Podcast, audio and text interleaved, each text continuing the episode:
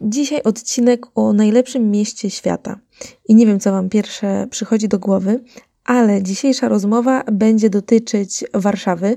I y, ci, co są y, spoza Warszawy, to nie wyłączajcie odbiorników i tych mm, Spotify'ów, bo zaraz będziemy wyjaśniać, o co tak naprawdę chodzi. Że tutaj mam czelność nazywać Warszawę najlepszym miastem świata, ale rozchodzi się o książkę o najnowszą książkę Grzegorza Piątka, mojego dzisiejszego rozmówcy. I z Grzegorzem y, miałam się spotkać w zasadzie w Warszawie, jak człowiek z człowiekiem przy kawie i kawie i porozmawiać o jego świeżo wydanej książce. Y, wziąć autograf, zbić piątkę i, i zachowywać się normalnie, ale jako że normalność została zredefiniowana, to porozmawialiśmy zdalnie na odległość na łączu Warszawa-Amsterdam. Mój rozmówca, Grzegorz Piątek, jest z wykształcenia architektem, ale w praktyce krytykiem i badaczem architektury.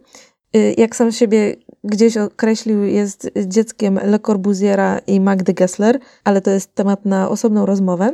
Także kontynuując, jest pisarzem, autorem m.in. książki Sanator, kariera Stefana Starzyńskiego, prezydenta Warszawy w latach 34-39, ale warto się skupić teraz, ponieważ y, Grzegorz jest autorem wydanej miesiąc temu książki Najlepsze miasto świata Warszawa w odbudowie 1944 do 1949. I oczywiście już na początku naszej rozmowy proszę Grzegorza o wyjaśnienie tego tytułu, ale zanim to nastąpi, to y, myślę, że warto by było zarysować pewne tło do tych wydarzeń, do naszej rozmowy. Ogólnie wiadomo, że rozchodzi się o odbudowę zniszczonej Warszawy, tej powojennej, popowstaniowej.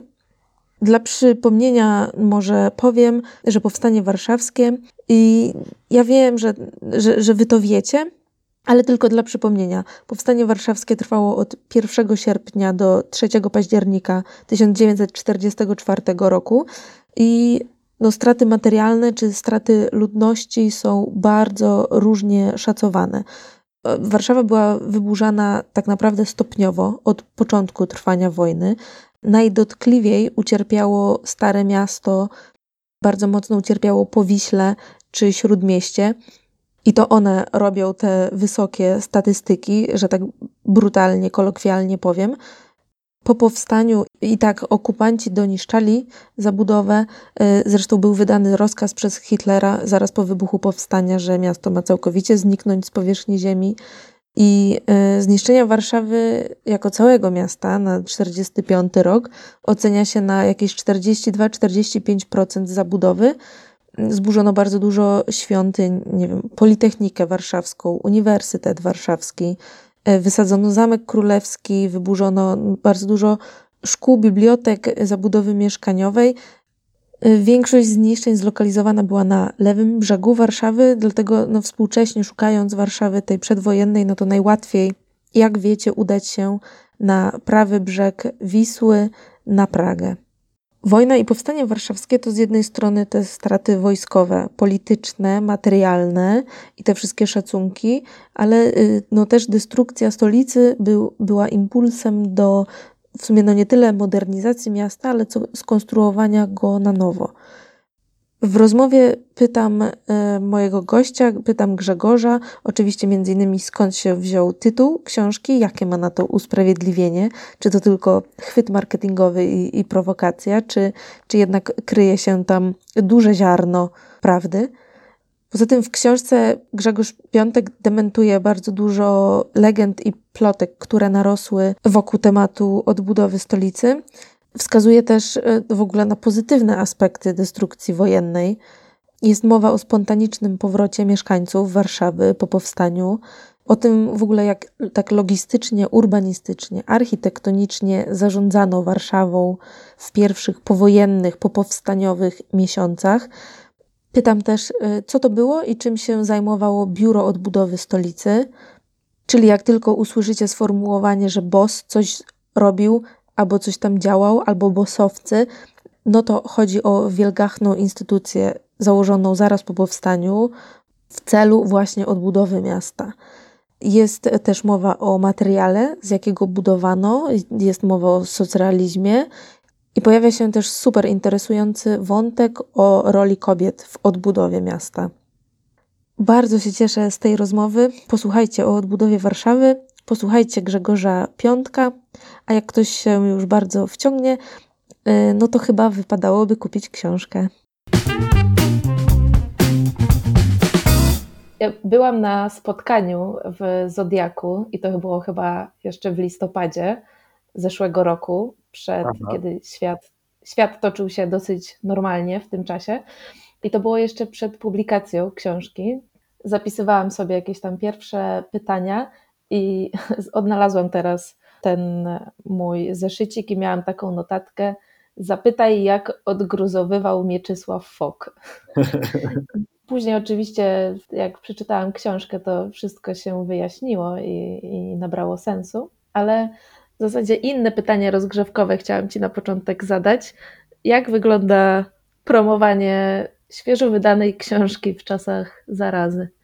Ja miałem ogromne szczęście, że książka ukazała się jeszcze jakieś trzy tygodnie przed y, tym, jak zaczęto wszystko zamykać i tym spotkaniem takim premierowym, promocyjnym, y, autorskim prześliznąłem się dosłownie pod szlabanem, zamykającym się już, bo ono się odbyło 10 mm, marca, a od 11 wszystko zaczęto odwoływać, także to pewnie było ostatnie spotkanie autorskie, które się w Warszawie odbyło e, przez dłuższy czas, że niebywałe szczęście. I teraz udaje się udzielać wywiadów na odległość jakieś tam publikacje się e, ukazują, audycje też nagrywałem jakieś radiowe przez, na odległość. Także jakoś się udaje. Natomiast współczuję autorom książek, które wyszły y, za parę, parę dni później albo które miały się ukazać teraz w marcu, kwietniu, maju, bo wszystkie premiery są przesuwane, przepychane na jesień i naprawdę będzie mało nowości i mało, mało okazji, żeby się spotykać z czytelnikami i nad tym, nad tym ubolewam, bo miałem, miałem już zaplanowane spotkania w Gdańsku, w Gdyni, w Poznaniu, kroił się jakiś Wrocław, Kraków i te spotkania się odbędą później albo się w ogóle nie odbędą, bo już jesienią y, może będą kolejne nowości i nikt nie będzie chciał gadać o tej książce, a może nie, może będzie się jakoś niosła i, i będą chcieli ludzie o niej rozmawiać. Zobaczymy. Z drugiej strony bardzo możliwe, że y, wzrośnie, no, wzrośnie zainteresowanie książki w formie elektronicznej. Tak, ja nie mam dostępu do danych, ale słyszałem z branży książkowej, że rzeczywiście sprzedaż e-booków podskoczyła, że to był taki, że ta epidemia i zamykanie to jest taka, no taki bodziec, który wymusza na ludziach, którzy może się wahali, albo może mieli czytnik, ale się do niego nie potrafili przyzwyczaić, żeby jednak e-booki kupować i, e, i cieszę się z tego, no bo nie, nie sądzę, żeby książka papierowa umarła, na zawsze, ale sam od dwóch lat y, mam Kindla i bardzo sobie to cenię. To, że mogę te książki wszędzie ze sobą nosić, nie muszę się zastanawiać, czy wozić, co oczywiście teraz nie ma znaczenia żadnego. E, teraz tak. ma znaczenie to, że mogę je na odległość kupować zupełnie bezpiecznie, higienicznie i e, też nie martwić się przyrostem e, objętości książek na półkach. Tak, tak, zgadzam się.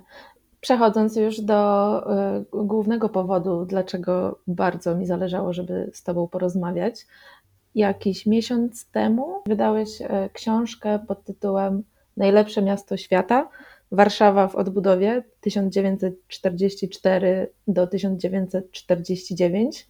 Czy tytuł książki to, to prowokacja, czy to, to brzmi, jakbyś się doszukiwał pozytywów zniszczenia i zrujnowania Warszawy po powstaniu? Czy to była prowokacja, czy to jednak miał, ma swoje uzasadnienie? Oczywiście, że ma uzasadnienie, chociaż jest, jest trochę prowokacyjne, jest trochę w, w leciutkim cudzysłowiu, e, bo zależało mi na tytule, który by pokazywał optymizm i entuzjazm tamtych czasów, który, który rzeczywiście był. Ludzie wracali do zrujnowanego miasta i jednocześnie przeżywali żałobę, ale wielu z nich jednocześnie cieszyło się, że może coś zacząć od nowa, e, zacząć coś inaczej. Tam cytuję w książce Marię Dąbrowską, na przykład, która pisze o pisała w liście do kogoś o uciesze zaczynania czegoś na nowo. I myślę, że wielu osobom towarzyszyło takie, takie poczucie, że mają czystą kartkę, mogą zrobić coś inaczej, lepiej, e, zostawiają za sobą cały ten koszmar wojny, ale też wszystko, co mogło im nie pasować w poprzednim życiu. I tak samo było z architektami urbanistami, którzy, mm, którzy chcieli Warszawę odbudować nie taką, jak e, zostawili przed, przed powstaniem czy przed wybuchem wojny, tylko właśnie lepszą, a kto wie, czy nie najlepszą, nie, nie jako najlepsze miasto świata. I, i, i, i czy, szukałem takiego tytułu w głowie, natomiast w końcu on sam przyszedł, kiedy już e, robiłem ostatnią rewizję tekstu przed wysłaniem tekstu do wydawnictwa, to, to e, natrafiłem w jednej z publikacji i od razu tu dopisałem do książki właśnie taki cytat, że, że budujemy najlepsze miasto świata Warszawę. To był cytat z 1946 roku.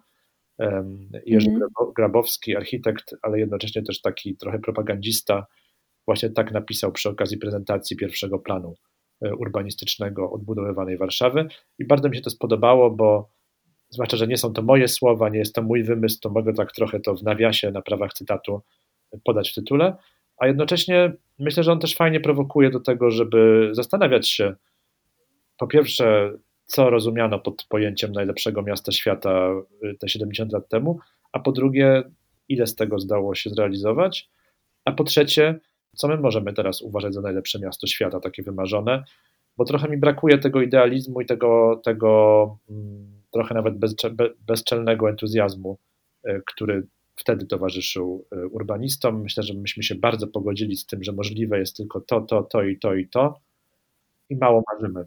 No mi się wydaje, że też może takie lekkie odejście od naszej narodowej martyrologii jest również potrzebne, ale czy, czy to znaczy, że my sobie idealizujemy tą przedwojenną Warszawę aż za bardzo? Absolutnie. E, to jest takie zjawisko, które według mnie to nie jest przypadek, że zaczęło narastać dopiero w pokoleniach, które nie pamiętają przedwojennej Warszawy, które w niej nie mieszkały, e, nie miały tego codziennego doświadczenia. To znaczy od lat 70. mniej więcej e, bardzo się idealizuje przedwojenną Warszawę i myślę, że to jest bardzo ludzkie. To znaczy, po pierwsze, jak, jak się czegoś nie zna z, z pierwszej ręki, to, to łatwiej jest to idealizować. A po drugie, mm, kiedy nas, nam coś nie pasuje w rzeczywistości, która nas otacza, to ludzie od zawsze mieli taki odruch, że mówić, a dawniej to było. Zawsze jest, był jakiś złoty wiek, mhm. taki raj utracony, do którego lubi się wracać, bo to jest takie pocieszające i też trochę zwalnia z, um, zwalnia chyba z konieczności wyobrażania sobie jakiejś lepszej przyszłości. Wystarczy sięgnąć do lepszej przeszłości i tak się tymi obrazkami idealnymi z przeszłości otoczyć, trochę sobie popłakać, poduszkę i pomarzyć. E, nie trzeba wykonać jeszcze tego kolejnego kroku, którym byłoby takie uczciwe zastanowienie się, jak zmienić rzeczywistość e, z myślą o przyszłości. W książce obalasz, e, dementujesz wiele legend i plotek o odbudowie stolicy, właśnie między innymi to idealizowanie przedwojennej Warszawy. Dla mnie na przykład pewnym zaskoczeniem było to, że wcale stolicy nie chciano przenosić do Łodzi. Ja na przykład przed przeczytaniem książki bym to raczej powtarzała innym, czy, czy nie chciano jej przenosić do innych miast. E, zawsze to była tam jakaś alternatywa na, na czas organizacji rzeczywistego powrotu rządu do Warszawy.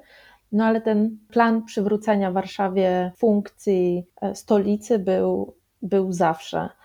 Jakie, jakie inne legendy czy plotki obalasz? No, wszystkiego nie będę spoilować, ale, ale, ale, ale, ale trochę, trochę oczywiście opowiem. E, po pierwsze, to już o czym wspomniałaś, czyli ten mit Warszawy przedwojennej. Jeśli sięgnąć do, e, do, do statystyk, jeśli sięgnąć do tego, co pisali, pisano w gazetach w latach 30., do tego, co architekci i urbaniści e, mówili na różnych spotkaniach publicznych czy dyskusjach, no to okaże się, że Warszawa przedwojenna była miastem dość koszmarnym do życia, bardzo gęstym, pozbawionym zieleni, gdzie, jak właśnie jeden z urbanistów, Skibniewski, powiedział, e, ludzie chodzą do parków obejrzeć drzewa, tak jak chodzi się, do zoo oglądać zwierzęta. Czyli parki były czymś, parki były małe, było ich mało, a zieleni dookoła y, ludzie za bardzo nie widzieli. E, po drugie, mhm. Ciasnota mieszkań, wąskie ulice, y, brak reprezentacyjnych przestrzeni, popsute y, zabytki, źle, źle, y, źle remontowane albo przebudowane nie do poznania. To wszystko y, bardzo, bardzo męczyło w przedwojennej Warszawie I warto, warto właśnie przypomnieć to, te narzekania, bo one są punktem wyjścia dla, dla tego, co planowano po wojnie. Ta odbudowa powojenna to były takie trochę porachunki z Warszawą przedwojenną, załatwienie wszystkich niezałatwionych wtedy problemów. Rzeczywiście y, kolejnym takim mitem jest to, że Warszawa miała być nieodbudowana. To jest taka, to jest do połowy prawda. To znaczy rzeczywiście na początku 1945 roku, jak już się wojna miała ku końcowi, to rozważano serio, żeby odbudowę odłożyć trochę w czasie. Po prostu mhm. Y, wojna jeszcze trwała, zasobów pieniędzy, materiałów nie było za bardzo i rzeczywiście taką logiczną opcją było, żeby władze się ulokowały choćby tymczasowo w Łodzi. E, natomiast nie planowano absolutnie Warszawie odebrać statutu, stoli statusu stolicy.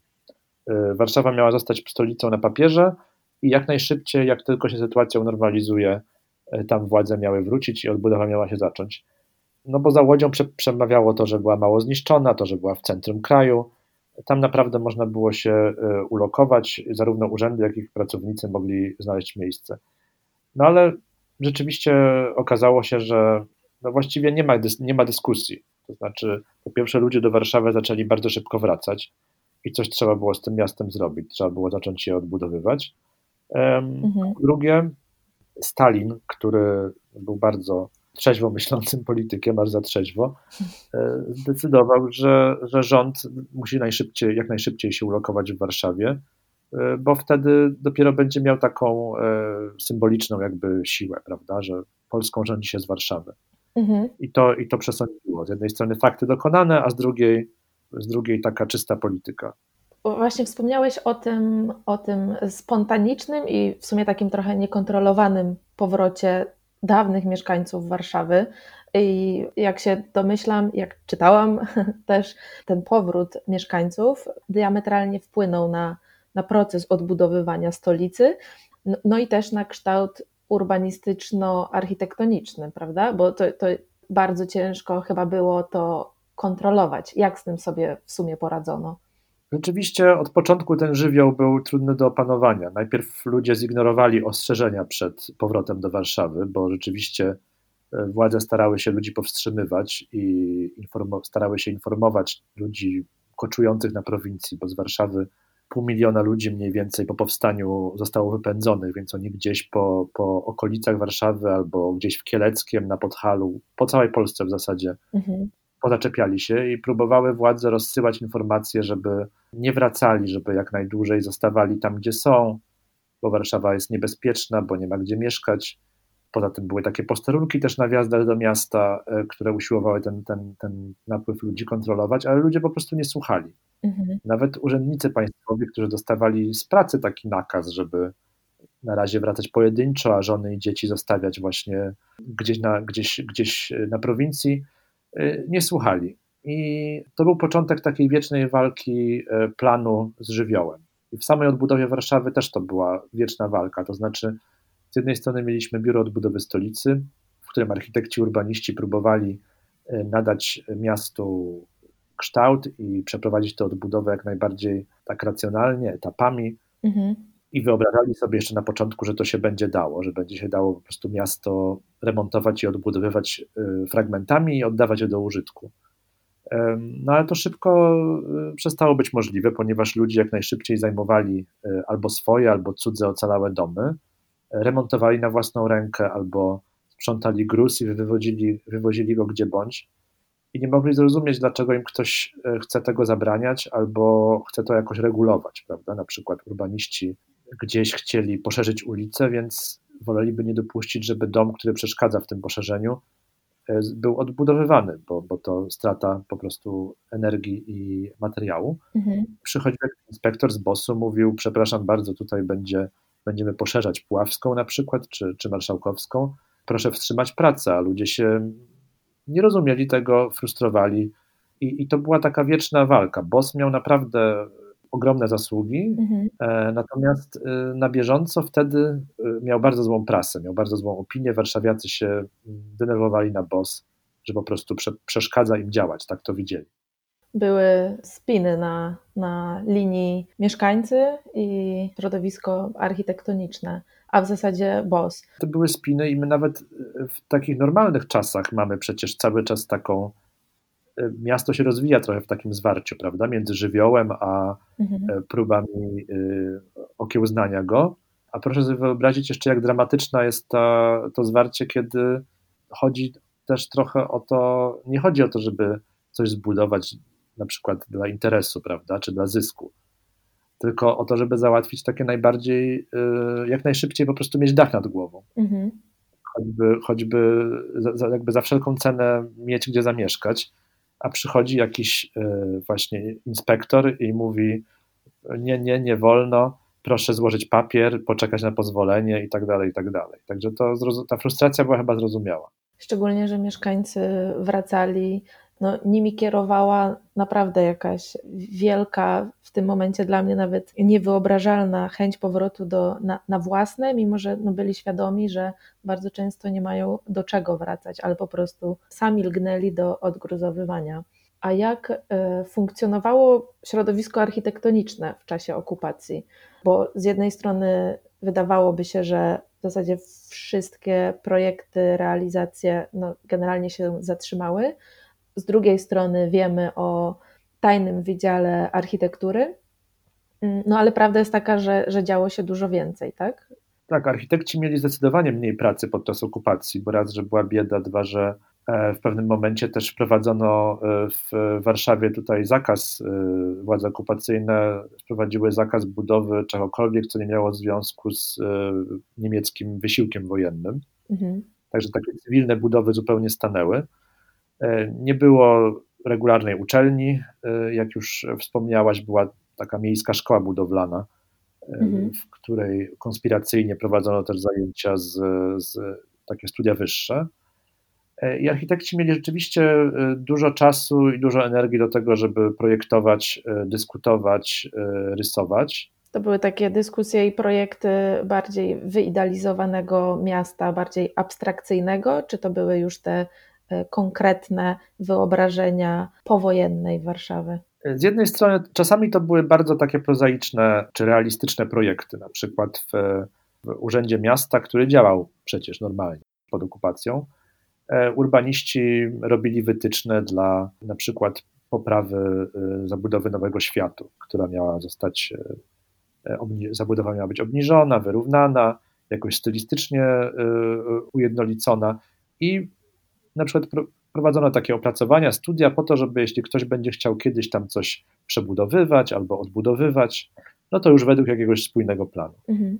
Sporo było też takiej działalności trochę podwójnej, na przykład w, na Żoliborzu przy Warszawskiej Spółdzielni Mieszkaniowej działała taka pracownia architektoniczno-urbanistyczna, która działała legalnie, w niej na przykład jej szefem był Szymon Syrkus, dopóki go do Święcimia nie wywieziono, mhm. E, gdzie prowadzono zupełnie jawnie, e, ponieważ Warszawska Spółdzielnia Mieszkaniowa dalej legalnie działała, takie studia nad e, zabudową osiedlową idealną. I te studia, te studia bardzo się przydały po wojnie zresztą. One były dość idealistyczne, takie bardzo teoretyczne, natomiast zupełnie legalne. I była też, była też taka bardzo ciekawa komisja legalnie działająca, która nazywała się Komisja Rzeczoznawców Urbanistycznych. Mhm. Tam e, zasiadali architekci, urbaniści, konserwatorzy zabytków i eksperci pokrewnych dziedzin, którzy oficjalnie mieli doradzać, e, doradzać władzom miasta w kwestiach takich budowlanych, urbanistycznych, ale pokątnie też dyskutowali bardzo dużo na temat tego, jak Warszawa w przyszłości powinna być e, odbudowana. I dla mnie ciekawe jest to, że e, architekci, im bardziej Warszawa była zniszczona, tym bardziej rozwijali skrzydła. To znaczy oni od razu, jak tylko widzieli e, jakiś fragment miasta zburzony, czy to w wyniku bombardowań, czy to w wyniku potem pacyfikacji getta i likwidacji getta, to e, od razu zaczynali traktować to miejsce jako czystą kartkę i bardzo śmiało planować. I najbardziej chyba dojmujące jest właśnie dla mnie to, że, że te najśmielsze plany powstawały dla Muranowa, czyli dzielnicy, która powstała na miejscu getta, mhm. kiedy, kiedy, kiedy ruiny getta jeszcze dymiły. A druga sprawa to są takie wizjonerskie projekty centrum Warszawy, takiego reprezentacyjnego centrum z Sejmem, z Muzeum Narodowym, z gmachami publicznymi, które z kolei powstawały w roku 1943-1944, stworzone przez Marczewskiego, Dziewulskiego i Skibniewskiego, którzy no już widząc coraz bardziej zniszczone miasto, stworzyli taką absolutną fantazję na temat takiego pięknego centrum, jakiego Warszawa nigdy nie miała, takiego akropolu wyidealizowanego z samymi pięknymi placami, kaskadami schodów, kolumnadami, kopułami itd., tak itd. Oni jeszcze kończyli pracę nad tym podczas powstania. To znaczy we wrześniu 1944 roku w Alejach Ujazdowskich w Pałacyku e, Dziewulskich, gdzie, który należał do rodziny jednego z tych architektów, E, siedzieli i, i kończyli jeszcze pracować nad tymi, nad tymi planami nad takimi tekstowymi wytycznymi dla odbudowy Warszawy. Także to się wydaje z jednej strony takie no dość fantastyczne, prawda? Takie mhm. niesamowite, że, że, że, że ludzie chodzą w dziurawych butach, nie mają co jeść, boją się, że zostaną w każdej chwili złapani, aresztowani, a z drugiej strony w takie, w takie śmiałe fantazje y, idą. A czy te y, właśnie wielkie fantazje, idee, o których śnili no, architekci i urbaniści i po części zostały zrealizowane, po części zostały zweryfikowane i zrealizowane, a po części zostały po prostu tylko na papierze.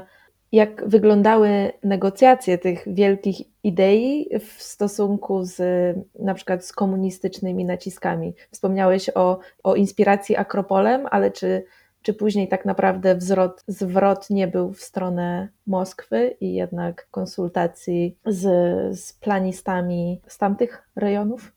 To bardzo ciekawe, że, że i to, jest, to było moje duże zaskoczenie podczas pracy nad tą książką.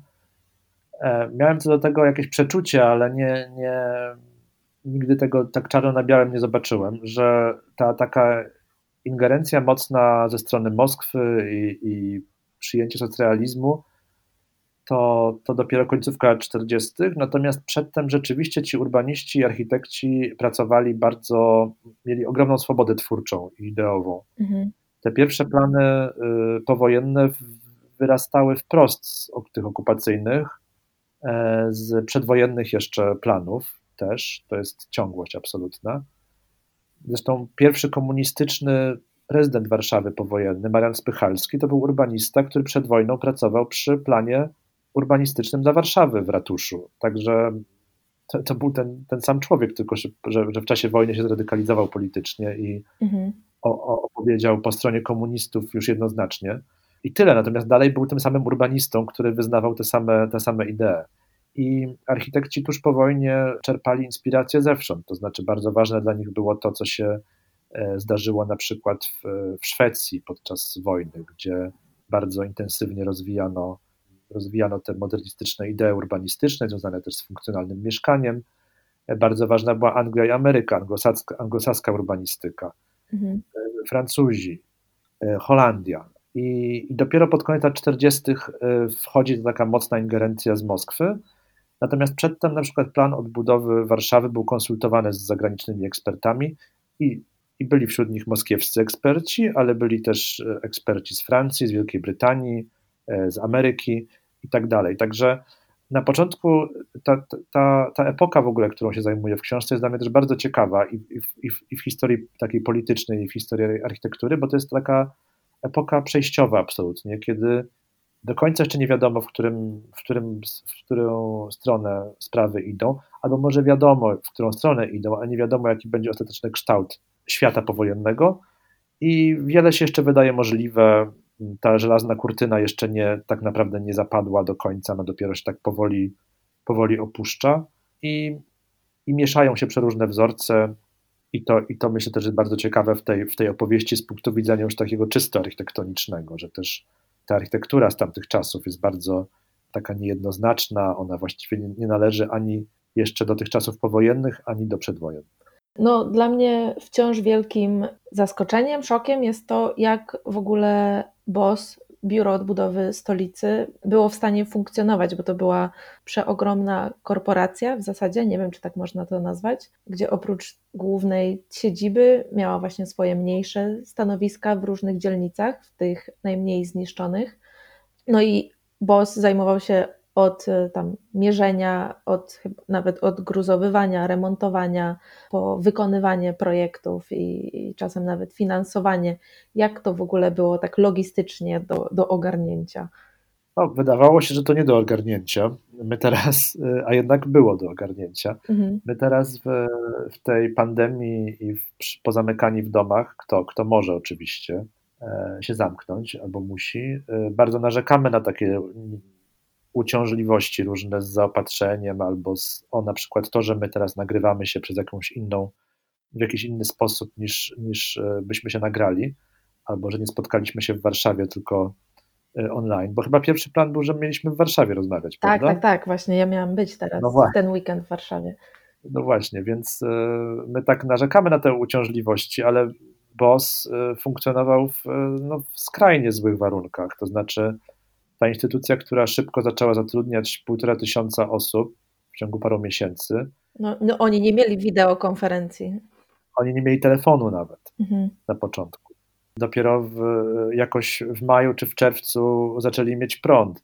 Także y, pracownicy nie mieli gdzie mieszkać. Praco wielu z nich spało gdzieś pod stołami w pracowni albo, albo, albo na łóżkach polowych w jakichś pokoikach albo na noszach ze szpitala, to jest też true story, w mojej mhm. książce znaleziona e, fakt, że, że, że spali na noszach, e, więc oni działali w skrajnie trudnych warunkach na początku, a mimo to właśnie udało im się, e, mimo że mieli właściwie do dyspozycji tylko papier, jakieś, jakieś przyrządy do, do, do rysowania i, i stoły, udało im się to miasto po pierwsze zaplanować, a po drugie też pilnować tej, tej bieżącej jakby działalności budowlanej, bo oni, to nie było biuro urbanistyczne wyłącznie, tylko też ono łączyło kompetencje Miejskiego Konserwatora Zabytków, takiego, w takich władz budowlanych, które wydają pozwolenia na budowę, na rozbiórki. Na początku też zajmowali się bezpośrednio na przykład utrzymaniem ulic, mhm. czyli tym, czym się normalnie w Urzędzie Miejskim zajmuje jakiś Wydział Komunikacji albo jakiś Wydział Dróg i Mostów i, i wiele, wiele, wiele innych rzeczy, y, to się, to się udało. Myślę, że dlatego, że, że po prostu potrzeba stwarza możliwości, mhm. E, że, że, że daje determinację o wiele większą niż w normalnych czasach, a po drugie też dlatego, że rzeczywiście BOS jako, jako taka instytucja, która była wyznaczona do sprzątania po klęsce, tak jak po powodzi albo po jakimś huraganie, został wyposażony w, w nadzwyczajne y, możliwości. To znaczy, począwszy od tego, że mógł na swoje potrzeby zająć jakiś budynek, prawda, żeby się ulokować. E, albo że mógł e, wyciągnąć z, e, z Politechniki niepotrzebne stoły i je zabrać sobie po prostu. Mm. Pożyczyć do pracy, póki nie będzie mógł kupić swoich. I tak dalej, i tak dalej. Także to była taka super instytucja, która mogła się tylko w tamtym momencie w takim kształcie pewnie wydarzyć. Wspomniałeś, że między innymi w skład e, BOS-u wchodzili konserwatorzy zabytków, którzy oceniali, co, co powinno być do dalszej rozbiórki, a co do zachowania, co do odremontowania, jeśli tak, to w jakiej formie. A w, e, w, w tym samym czasie, oczywiście, w tej korporacji czynnie działali moderniści. I, I, tutaj w tej odbudowie Warszawy wydaje się, że tym istotnym aspektem był balans pomiędzy konserwatystami a modernistami. Bardzo często mówi się o konflikcie pomiędzy tymi dwoma grupami. Jak, jak to wyglądało naprawdę? Ja to widzę trochę mm, inaczej niż do tej pory się pisało o tym, bo do tej pory akcentowano właśnie raczej te konflikty i te spory. E, rzeczywiście to było ciągłe szukanie równowagi, bo Jan Zachwatowicz, który kierował Wydziałem Architektury Zabytkowej w Bosie, a potem został w ogóle generalnym konserwatorem zabytków na całą Polskę, więc dyktował też politykę konserwatorską y, i te kwestie związane z odbudową też w innych miastach. No on, on był maksymalistą, on próbował y, jak najwięcej y, zrobić dla nie tylko odbudowy zabytków, ale też wykreowania w Warszawie jakiejś takiej, takiej staroświeckiej atmosfery. To jeszcze były takie koncepcje sięgające przed wojny, że Warszawa powinna wrócić do wyglądu sprzed y, rozbiorów, sprzed XIX wieku, y, bo to był taki, bo to była epoka rzekomo ostatnia epoka świetności Warszawy, czyli epoka królewska, stanisławowska i tak dalej, taka znana z obrazów Canaletta. Mhm. I Zachwatowicz próbował narzucić w ogóle coś takiego, żeby całe śródmieście Warszawy było mm, odbudowywane w zgodzie z takim interesem konserwatorskim.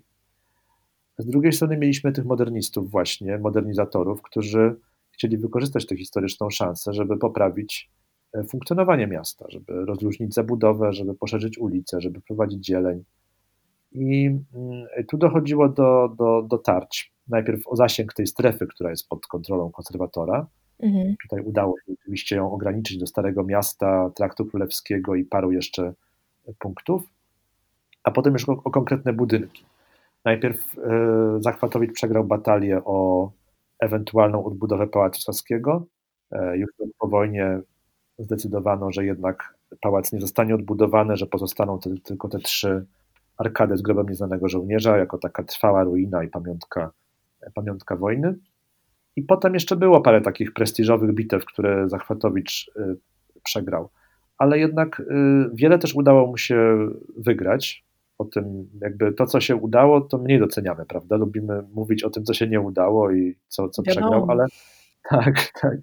Ale było wiele zabytków, które, które, które były początkowo spisywane na straty, ale Zachwatowicz się upierał jego pracownicy szukali jakiegoś kompromisu urbanistycznego na przykład i proponowali jakieś konstruktywne rozwiązania, a czasami po prostu się Zachwatowicz trzaskał drzwiami, mówił, że odchodzi, a ponieważ miał duży autorytet, to mu ulegano. Mhm. I, i, I tak to wyglądało, także y, bardzo łatwo jest mieć pretensje do tego, czego nie odbudowano, ale jeśli też wziąć pod uwagę, ile udało się odbudować, mimo że jednak taka staranna odbudowa zabytków w tak bardzo biednym zrujnowanym kraju, gdzie w mieście, gdzie ludzie e, żyją właśnie na noszach, na łóżkach polowych albo gdzieś po ruinach, po, e, no to, to trochę taka była fanaberia, a, a jednak udało się tych zabytków bardzo dużo odbudować i Zachwatowicz, mimo że przegrał parę tych, tych bitew z modernistami, modernizatorami, no to jednak myślę, że na dłuższą metę wygrał. A poza tym Poza tym myślę, że i tym modernistom, i tym zabytkowiczom tak zwanym chodziło też o to, żeby miasto nie wróciło jednak dokładnie tak jak przed, takie jak przed wojną. Jedni chcieli poprawiać zabytki przy okazji odbudowy, drugi chcieli poprawiać e, takie warunki życia w mieście funkcjonalne i higieniczne. Także jedni i drudzy byli w jakiś sposób modernistami, myśleli nowocześnie, chcieli to miasto unowocześniać. Jeśli, jeśli chodzi nawet o samo odbudowywanie zabytków, rekonstruowanie zabytków, to to wciąż można rozdzielić na kilka y, ścieżek, jak postępowano z nimi, prawda? Bo czasem przywracano jakąś poprzednią wersję, czasem nie było wystarczającej dokumentacji, więc y, trochę być może zgadywano albo ustalano to na podstawie innych budynków czy innej dokumentacji jak w ogóle w obrębie już samej, powiedzmy, konserwacji czy rekonstrukcji poszczególnych budynków sobie radzono? Warszawa rzeczywiście ma te zabytki mocno poprawione po wojnie. To jest e, coś, co znowu jeszcze sięga, ta idea sięgała korzeniami czasów przedwojennych i mm, takiej, takiej dużej świadomości, którą mieli architekci i konserwatorzy, że Warszawa, to o czym już wspominałem, nie wygląda na, nie przypomina tej sprzed XIX wieku, sprzed rozbioru, że ponieważ mhm. tak, tak w XIX wieku szybko się rozwijała i przebudowywała gwałtownie, że wygląda jak miasto nowe, a nie miasto, które ma te kilkaset lat historii i gdzie rezydowali królowie i, i, i mieszczanie. I y, chodziło o to właśnie, żeby, żeby wracać tam, gdzie to tylko możliwe, do tej formy sprzed XIX wieku. I tam, gdzie nie było dokumentacji, to y, zmyślano, bo to były oczywiście domysły naukowe oparte na jakichś badaniach na porównaniach z innymi, z innymi budynkami podobnego typu z tego samego okresu, albo z jakimiś, no tak, z, głównie z takimi analogicznymi obiektami. Mhm. I na przykład katedra, katedra na Starym Mieście jest przypad, takim przykładem takiej kreacji konserwatorskiej, gdzie Zachwatowicz nie miał właściwie danych do tego, jak wyglądała fasada pierwotnie w średniowieczu. Ona potem była wielokrotnie przebudowywana, przeszła przez fazę barokową, neogotycką, i on domyślił się, jak ta fasada mogła wyglądać. Po prostu stworzył taką fantazję konserwatorską, e, która, która jest bardzo przekonująca. I w ogóle myślę, że, że to, co się wtedy stało przy okazji rekonstrukcji, te poprawianie zabytków, no nawet jeśli opierało się na jakiejś, na domysłach, to te domysły były na tyle dobrze osadzone w badaniach, że, że te fantazje są bardzo przekonujące, prawda, że chodząc po Nowym Świecie, czy Krakowskim Przedmieściu, czy Starym Mieście, jeszcze w połączeniu z tym, że używano na elewacjach tradycyjnych różnych technik tynkarskich czy sztukatorskich, mhm. E, no to właściwie nie czujemy, że chodzimy po jakiejś makiecie, po jakimś takim fejku, tylko to jest zrobione z dużym, dużym wyczuciem konwencji i jest bardzo przekonujące. Przynajmniej ja mam takie wrażenie, nie wiem jak ty.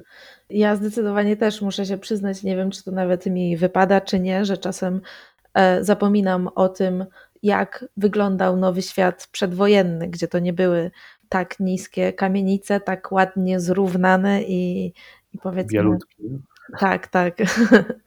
Więc to, co dla mnie było powiedzmy zaskoczeniem i nie wiem, odświeżeniem informacji, to to, że w ogóle główny materiał budowlany po powstaniu, no to był chyba przede wszystkim gruzo, gruzobeton i przemielony materiał z rozwalonych budynków i no to nie, nie brzmi zbyt, nie brzmi zbyt szlachetnie, ale brzmi, brzmi bardzo energooszczędnie to było jedyne możliwe rozwiązanie. Proszę sobie wyobrazić, że no nawet, nawet jeśli BOS czy władze miasta miały pieniądze, żeby kupić materiały budowlane nowe, mhm. to nie miało ich wyprodukować, bo nie było, przemysł też był zniszczony podczas wojny.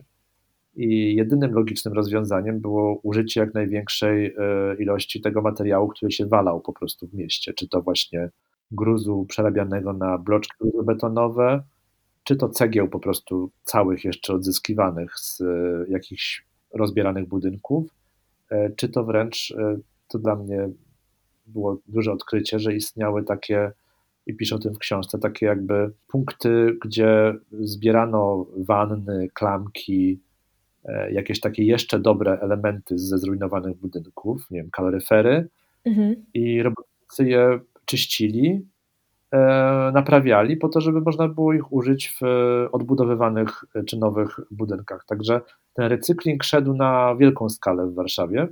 Generalnie to jest coś, co i w tym momencie należałoby nawet w większej skali wykorzystywać, czyli ten obrót materiałem budowlanym wtórnym. I właśnie do tego tak, do tego zmierzałem, że, że to jest dla mnie niesamowite, że takie rozwiązania, które wymuszała bieda i zrujnowanie wszystkiego, teraz wydają się cholernie współczesne i nowoczesne. Mhm. E, I teraz pytanie jest, czy, czy potrzebujemy katastrofy, żeby znów tak działać, prawda? Czy nie dałoby się zorganizować takiego mądrego recyklingu niepotrzebnych e, materiałów budowlanych chociażby. E, pewnie w niektórych miejscach na Ziemi to się już jakoś przepisami wymusza, prawda? I pewnie w, nie jestem znawcą od tego, ale wydaje mi się, że przy certyfikacji na przykład ekologicznej budynków też się bierze pod uwagę, czy E, zostały użyte jakieś materiały z odzysku. E, no ale żyjemy, jednak żyjemy w takiej cywilizacji, gdzie, no, a może już nie żyjemy, ciekawe co będzie po epidemii, może już nie będzie takiej cywilizacji, ale do tej pory no, wychowaliśmy się w takich warunkach, gdzie było o wiele łatwiej coś wyrzucić i kupić nowe mhm. i nie martwić się tym, tym, tym śmieciem, niż, niż reperować czy odzyskać. Powiedziałeś, że Oby nie trzeba było kolejnej wielkiej tragedii, żeby przypomnieć sobie o bardziej energooszczędnym podejściu i może zwrocie ku lokalności. No wydaje mi się, że obecnie doświadczamy takiego kryzysu, który mam nadzieję znów sprawi, że konsumpcjonizm będzie ograniczony, że będzie faktycznie ten zwrot ku lokalności. Myślę, że już powoli to gdzieś tam zauważamy, a jaki to będzie mieć wpływ na rynek budowlany, no to czas pokaże. Tak, to może za pół roku o tym porozmawiamy. mam, nadzieję, że, mam nadzieję, że za pół roku to uda się już jakoś tak twarzą w twarz w normalnych warunkach. Natomiast jeszcze chciałabym Cię koniecznie dopytać o rolę kobiet w odbudowie Warszawy, ponieważ ta rola kobiet była dość znikoma. Bardzo się cieszę, że w ogóle to zostało tutaj w książce opisane. Więc w sumie to jakie zadania były zlecane architektkom i projektantkom, bo, no bo one tam były, one działały, ale tak. co, co im zlecano? Były, działały, y, ale ukryte. E, działały oczywiście jako projektantki, bo w, przed wojną na warszawskiej uczelni kilkanaście procent absolwentek rocznie to były kobiety, więc e, e, absolwentów rocznie to były, to były kobiety, więc były architektki. Mhm. Urbanistki też. Było parę takich jak Helena Morsztynkiewicz, które były wybitnymi urbanistkami już z sukcesami przed wojną. No ale mimo wszystko, nawet taka Morsztynkiewicz nie miała w BOSie żadnej kierowniczej funkcji, takiej, która pozwalałaby na wpływ na decyzje. Czyli kobiety projektowały, kobiety prowadziły jakieś prace studialne, e, było sporo kobiet, szczególnie wśród konserwatorek zabytków. To widocznie uchodziło za jakieś takie, nie wiem, może zajęcie wymagające takiej uważności i skrupulatności i czułości, która jest często kobietom e, przypisywana mhm. E, stereotypowo. No i było też masa kobiet, które pełniły taką rolę, rolę trochę już bardziej służebną, to znaczy sekretarki, kucharki, protokolantki. Na przykład dla mnie właśnie ulubionym przykładem jest ta Helena Morsztynkiewicz, która przed wojną pracowała i przy projekcie dzielnicy Piłsudskiego i przy takim ciekawym, zrealizowanym tylko częściowo osiedlu Pagedu na Oksywiu w Gdyni. E, I ona na pierwszych spotkaniach BOS-u y, takich organizacyjnych protokołowała. Znaczy panowie zabierali głos na temat kształt, kierunków odbudowy Warszawy. To były takie już pierwsze generalne dyskusje na temat urbanistyki mm, i my wiemy, co panowie powiedzieli, ponieważ ona to notowała. Natomiast w tych jej notatkach nie ma jej w ogóle mhm. E, zdania, także albo nie zabierała głosu i przyjęła taką rolę, albo dano jej taką rolę właśnie służebną, albo zabierała głos, ale nie, nie, nie czuła, że to jest na tyle ważne, żeby to zapisywać. Czy to, to wpływ nie wiem, doktryny, socrealizmu? Dlaczego taka była rola kobiet? tak znikoma? No, takie czasy po prostu. Wszędzie na świecie w zasadzie jeszcze. Tutaj ja nie, nie chcę wieszać y, tak psów na bosie konkretnie. E, wszędzie na świecie wtedy kobiety właściwie nie miały wielkiego wpływu na urbanistykę, na budownictwo publiczne. Kobietom jeszcze przed wojną, e, kobiety miały dostęp do zawodu już od jakich 40-30 e, lat, ale kobietom raczej powierzano takie, takie tematy związane raczej z mieszkaniem, domem, taką sferą opieki nad dzieckiem, czyli przedszkola, szkoły, ogrody, ogródki, mhm. parki, przestrzeń osiedlowa. To, co w Warszawie na przykład, tym, czym się w Warszawie zajmowała Barbara Brukalska już przed wojną i w czasie okupacji. Taką była specjalistką właśnie od tego, co wszystkiego, co związane z domem i takim bliskim otoczeniem człowieka. Natomiast faceci wszędzie na świecie w zasadzie jeszcze wtedy, a pytanie, czy dzisiaj też przypadkiem jeszcze nie w dużej mierze, E, rezerwowali sobie takie tematy jak świątynia, wieżowiec, muzeum, mhm. E, miasto.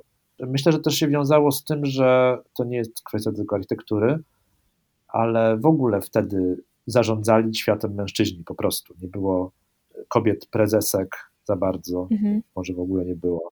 Nie było żadnej ministry, nie było żadnej pani premier, e, więc tym bardziej chyba takie zadania związane z urbanistyką które są zawsze bardzo blisko władzy i takich strategicznych decyzji, zapadałby po prostu w męskim, w męskim gronie.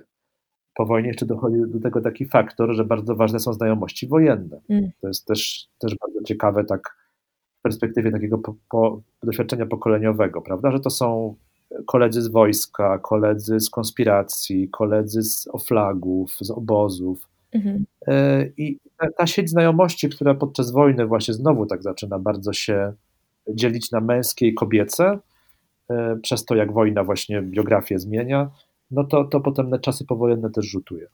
Myślisz, że ten brak jakiejkolwiek, jakiegokolwiek większego kobiecego wpływu w, w projektowaniu miało swoje przełożenie na kształt miasta? Myślisz, że że może za daleko sięgam, ale myślisz, że Warszawa tak urbanistyczno-architektonicznie wyglądałaby nieco inaczej dzisiaj?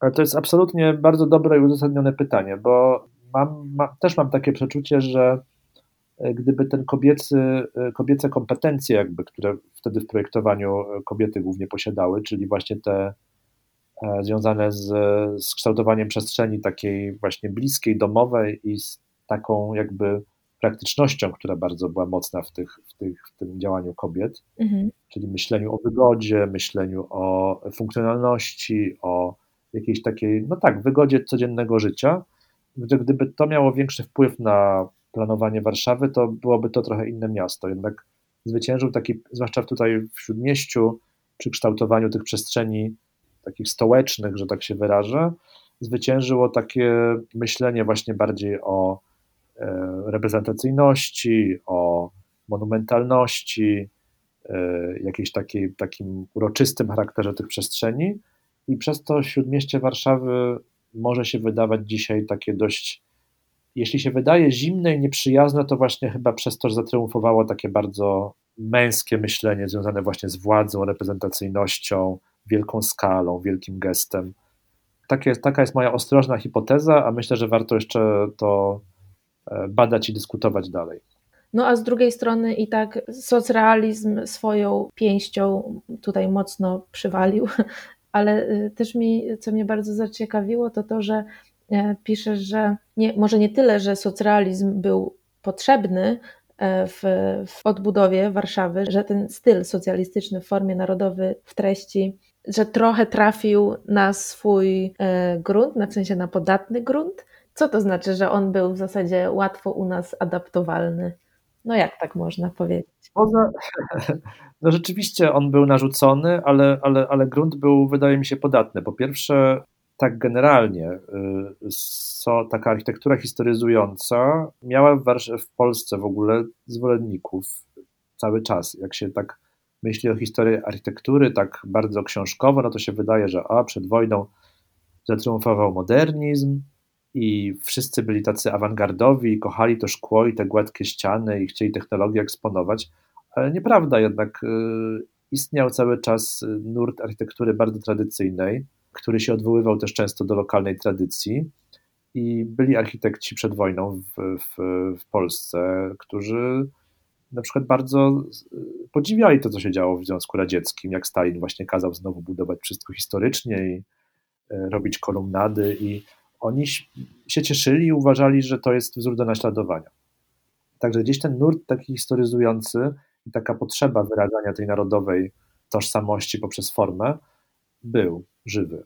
Ale, ale druga rzecz jest taka, że te plany tuż powojenne, właśnie przez modernistów kreślone dla Warszawy, były oparte na takim założeniu, że bardzo y, szybko uda się w, y, w Polsce uruchomić nowoczesne technologie budowlane, mm. na przykład prefabrykację, że będzie to szkło i ta stal i to wszystko, co już zaczynało powstawać na Manhattanie. A tu jednak tylko gruzobeton i ewentualny piaskowiec.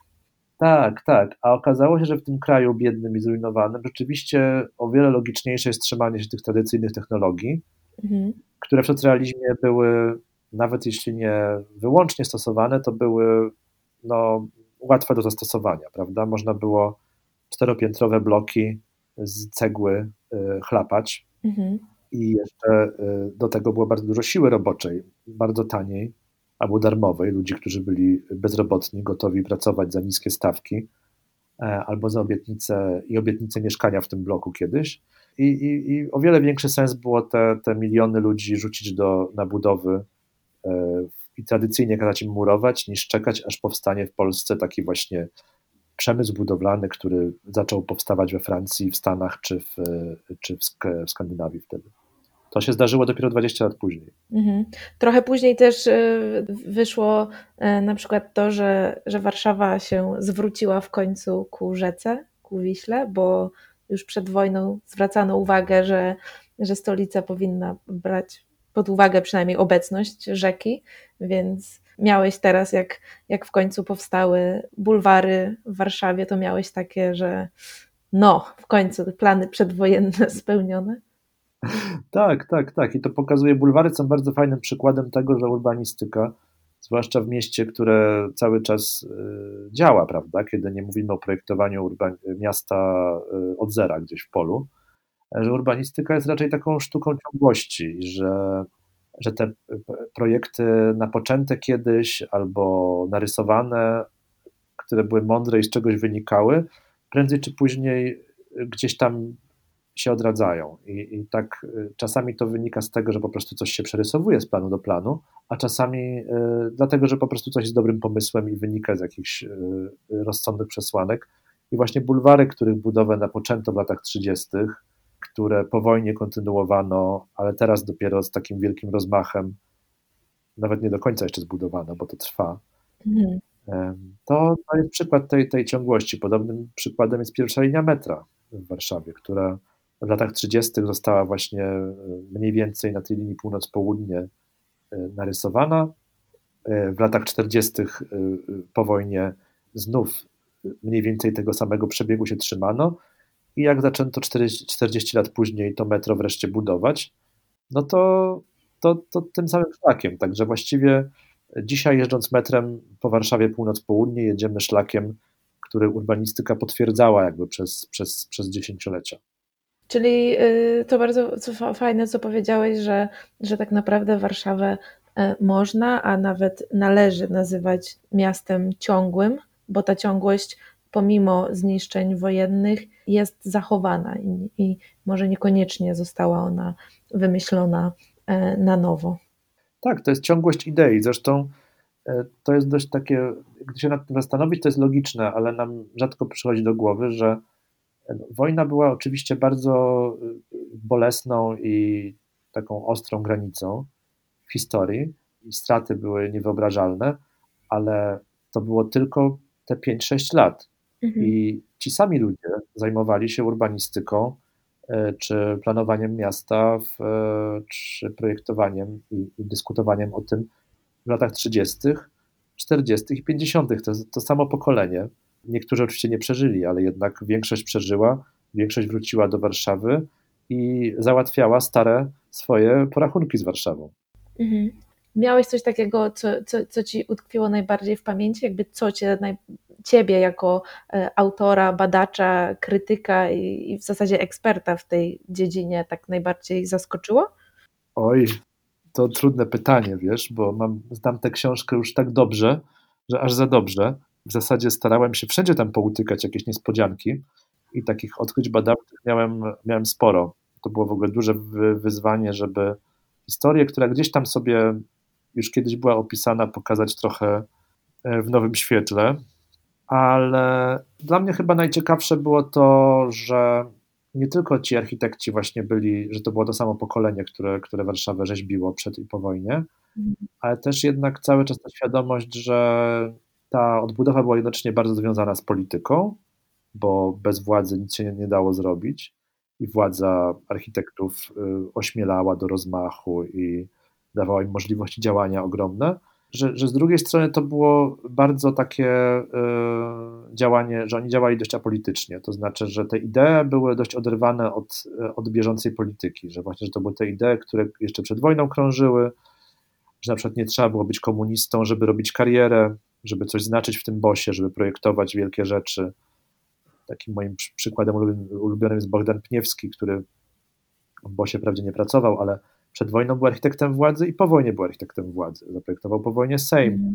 i parę innych ważnych budynków. Czyli, że ci architekci się cieszyli takim niesamowicie wysokim statusem i poważaniem ze strony władzy, który pozwalał im, jeśli tylko się nie, nie, nie mieszali w taką politykę sensu stricte, pozwalał im, dawał im bardzo duży margines e, swobody w projektowaniu. I to jest, to jest e, dość niesamowite i to trochę idzie w poprzek takiej e, wizji w ogóle historii powojennej Polski, że wszystko było tak strasznie skrajnie upolitycznione i że paradoksalnie nawet w tak upolitycznionej dziedzinie jak architektura i urbanistyka dało, dało się swobodnie dość działać jako twórca. Nawiązując do architekta, o którym wspomniałeś, e, do Bogdana Pniewskiego, czy, czy planujesz jakieś kolejne książki?